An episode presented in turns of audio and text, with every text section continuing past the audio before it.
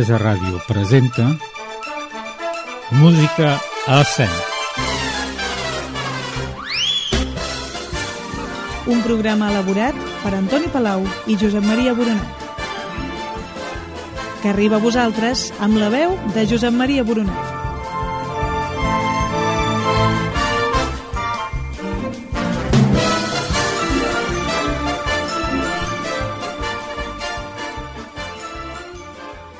Benvinguts, amigues i amics del nostre programa Música a Escena.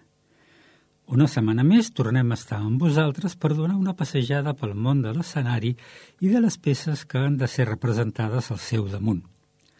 A vegades ens hem ocupat d'operetes o revistes, amb més freqüència de comèdies musicals, però avui ens ocuparà una obra que no és de cap d'aquests gèneres. Avui escoltarem una sarsuela. Ens aturarem amb una sarsuela en tres actes escrita el 1940, però després de la seva estrena va ser oblidada, va desaparèixer. No va ser fins al 2008 que va tornar a veure la llum, amb un llibret revisat i renovat per Ana Maria Tomàs. La música va ser escrita per en Julián Santos. Va tornar als escenaris el 22 de novembre del 2008 al Teatro Vico de Jumilla, Múrcia, Avui escoltarem El fantasma de la Tercia. Com hem dit, va ser en Julián Santos l'autor de l'obra. Quan ell escrivia les seves obres, el gènere començà una lenta decadència que després de la Guerra Civil estaria predisposada per desaparèixer. El fantasma de la Tèrcia es va estrenar el 1940 i està ambientada en la seva ciutat natal. L'acció inspirada en el teatre clàssic, explica els amors i embolics pròpia d'un drama rural amb unes pinzellades aristocràtiques. Musicalment està inspiradíssima, fent servir temes del folklore de Jumilla fins a moments quasi veristes. L'orquestra té un paper important, lluny d'un senzill acompanyament. A què ve el nom del fantasma de la Tèrcia? Ens evoca uns fantasmes del carrer que no existien. La Tèrcia és un carrer de Jumilla i els fantasmes eren homes que es cobrien en llençols o que es disfressaven per entrar de nit a les cases de les dones que no podien fer-ho de dia. És una forma de representar una moral que ha existit tota la vida. Escoltarem una versió en live enregistrada el 22 de novembre del 2008, com hem dit, al Teatre Vico de Jumilla, a Múrcia. El llibret i la música són d'en Julián Santos i la revisió i els complements al llibret d'Anna Maria Tomàs. La direcció musical va córrer a càrrec de Nicolás Galvez i l'escènica de Diego Carvajal. El repartiment va ser el següent. Lucía Escribano con Ana. Gerardo Bullón con Don Jacobo el corregidor. Francisco Sánchez, Julián, el hijo del corregidor. Ginés Lobillo con Clavelera. Carlos Cruque com el Chispa, Paloma Friedenpov com María Manuela, Silvia Piñelo com Benigna, Pablo García con Don Luis, pare de Doña Inés, Doña Ana, i Ángel Piñeiro, Don Nicanor, Bonillo i el Pintao. Orquesta de la Compañía Lírica Julián Santos, coro di cantos, grupo de coros i danzas Francisco Salcillo. La història és la següent. En terres de Jumilla, nois i noies estan de festa perquè estan en la barema. Julián, el fill del corregidor, torna a casa després de llargs anys d'absència i espera quedar-se per sempre.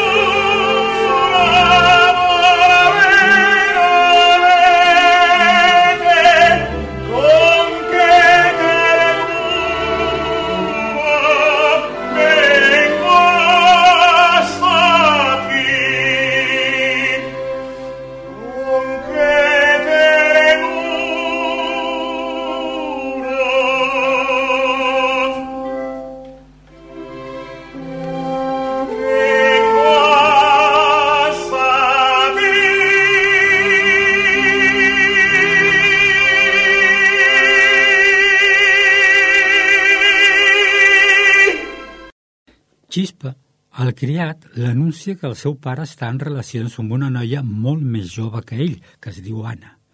En Julián queda trasversat i diu que mai una dona ocuparà el lloc de la seva mare. Després ens trobem amb don Jacobo, el corregidor, que li està demanant a Anna que es casi amb ell. Finalment la noia accedeix i ho fa no perquè l'estimi, sinó per tenir la vida solucionada.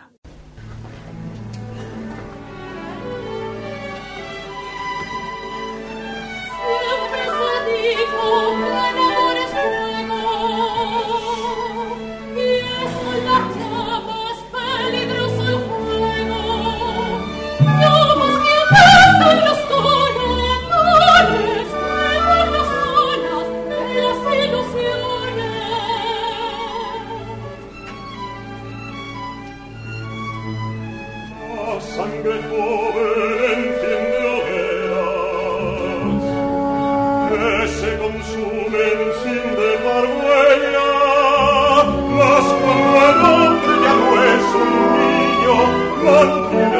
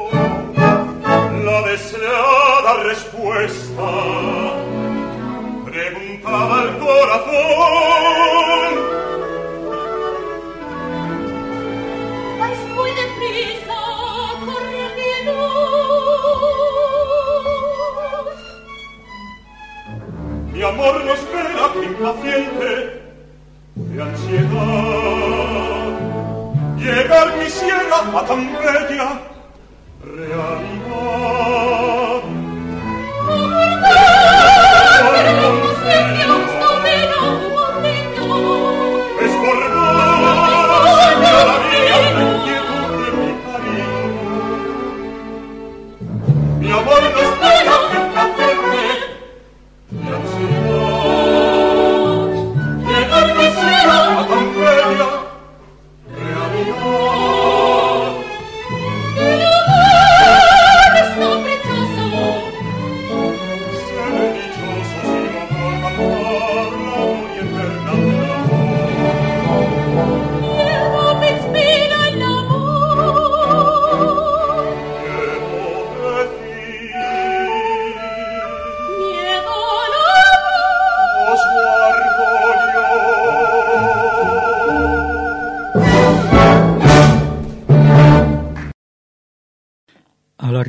Casa familiar, Juliana es topa primer en Clavellera, criada amb la que havia tingut relacions en el passat. Ella sempre ha estimat el noi, encara que sap que això és un impossible. Ell li explica les seves aventures i en plena conversa surt a escena Anna, que es presenta com la dona del seu pare i que espera que ell l'accepti com tal.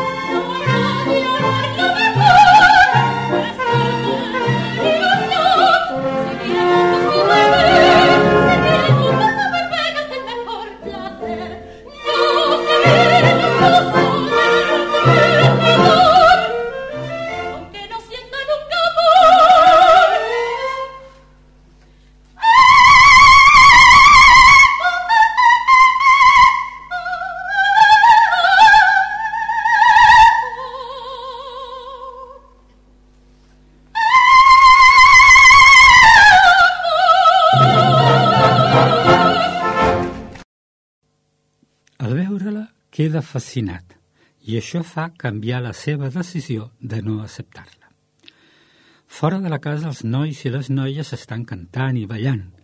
Surten de la casa don Jacobo i Anna que demanen que tots que celebren el seu matrimoni. Demanen a Clevellera que canti una cançó. Amb això acaba el primer acte amb la romança de la Clavellera.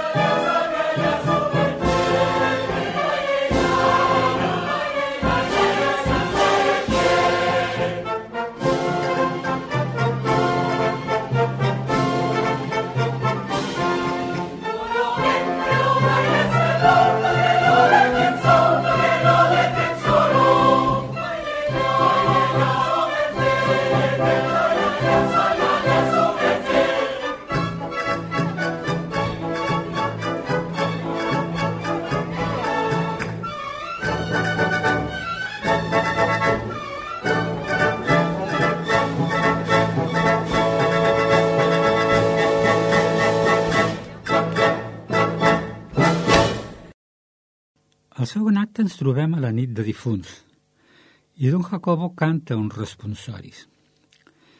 A la casa benigna, una altra criada està posant espelmes als difunts, en especial per la mare d'en Julián. Es diu que és un esperit ronda per la casa. Un amic de la família arriba begut i li diu a Clevallera que estan esperant amb Julián. Al veure a la criada vestida com una dama, se'n burla d'ella Arriba en Julián, defensa la noia i el repta amb un duel. Al veure la situació, Clavellera entra a casa i s'ho explica a don Jacobo.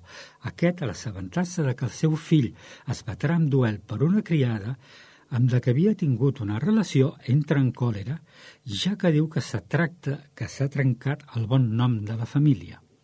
No creu en l'amor de la minyona i creu que ella busca alguna cosa més.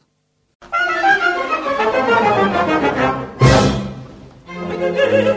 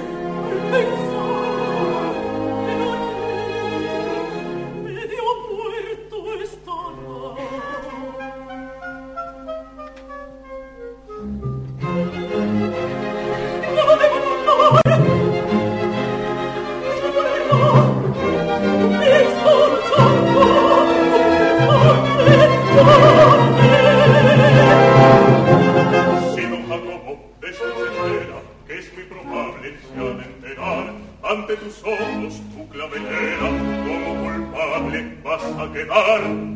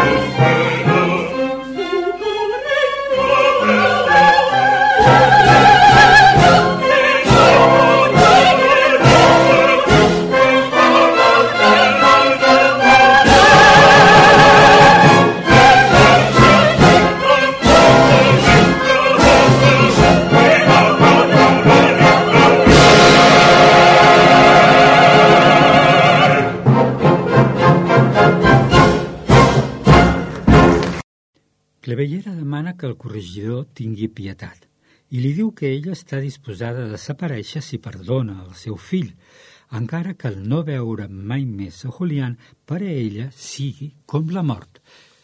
I llavors arriba en Julián, lleument ferit. El pare li reclama el dany que ha fet el nom de la família i el noi demana que no sigui el pare, sinó el corregidor el que el jutgi i que aquest tingui en compte que ell ha defensat l'honor d'una dama. El corregidor no creu que a la clavellera que li tingui que tractar, que tingui que ser tractada com una dama, i li mana a aquesta que desapareixi de les seves vides i a Julián li fa prometre que no la veurà mai més.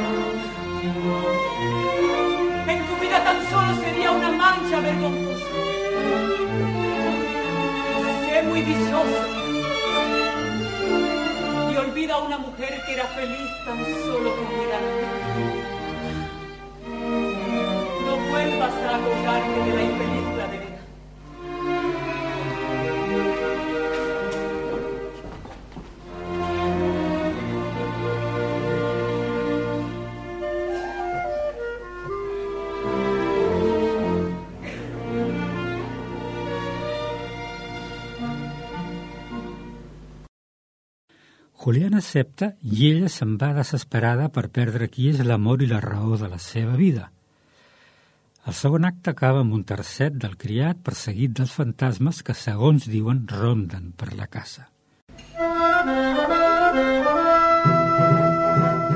Le salí adentro somos unas llamas encarnadas Entraría mucho miedo. Un terror fenomenal Me torna sudor muy Mi cuerpo se echó a temblar ¡Uh! Sentí que desfallecía Y quise gritar, gritar Virgen Santa del Rosario Pronto la por la Que quizá una fantasma nos viniera a fastidiar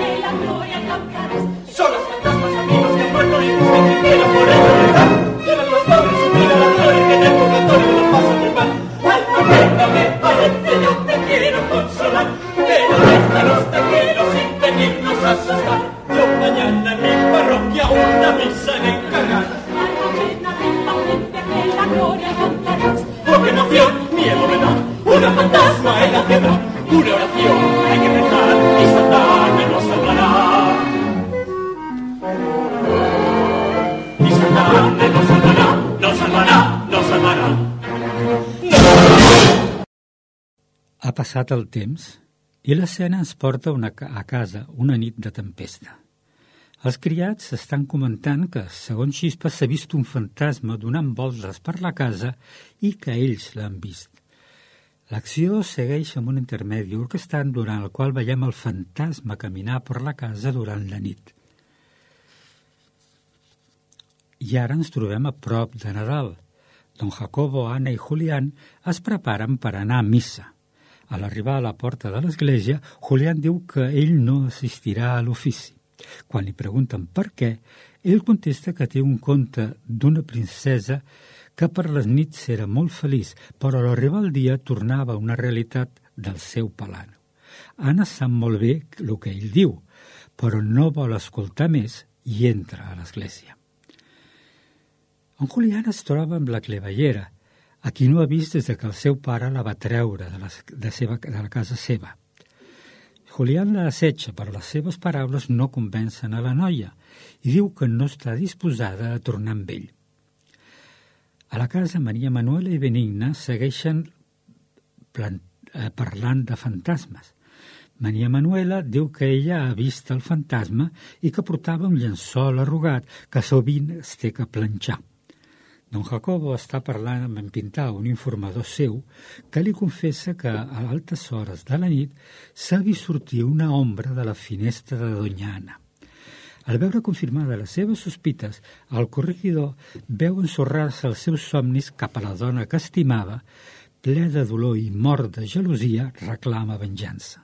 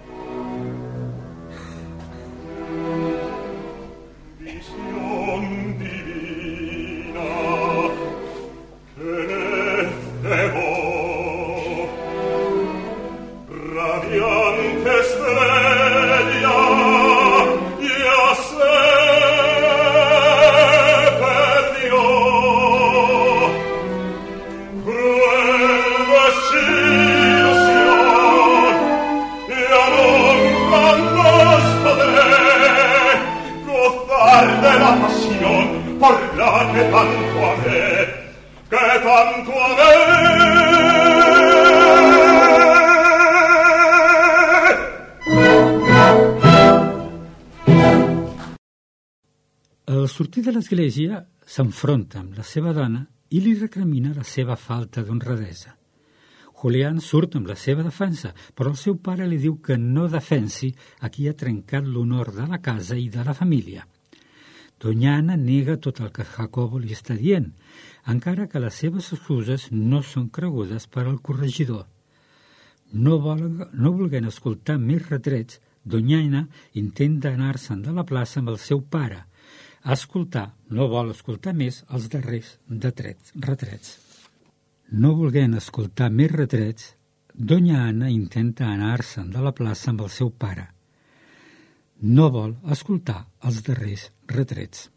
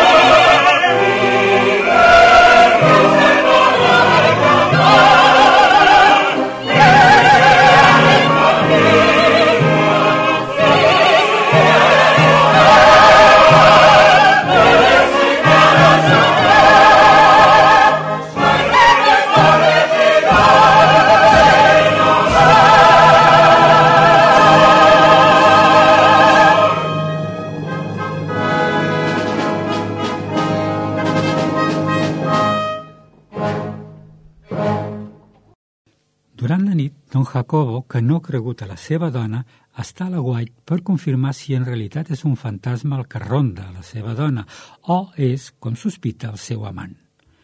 A la meitat de la nit escolta uns sorolls i escolta com Anna, a la porta de la seva habitació, li diu amb un intrus que no vol que marxi i que es quedi amb ella tota la nit. A l'escoltar aquestes paraules, el corregidor, ple de còlera per la gelosia, apunyala el fantasma.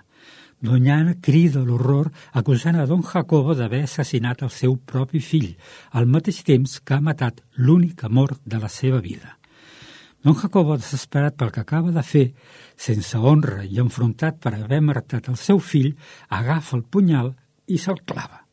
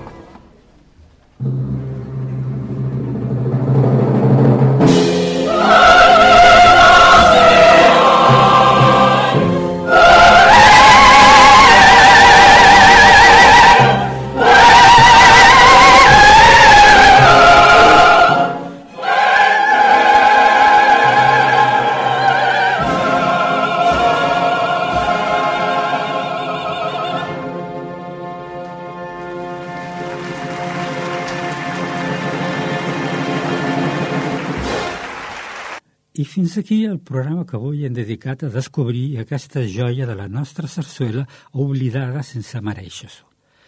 La propera setmana tornarem amb una nova proposta al vostre programa Música a escena.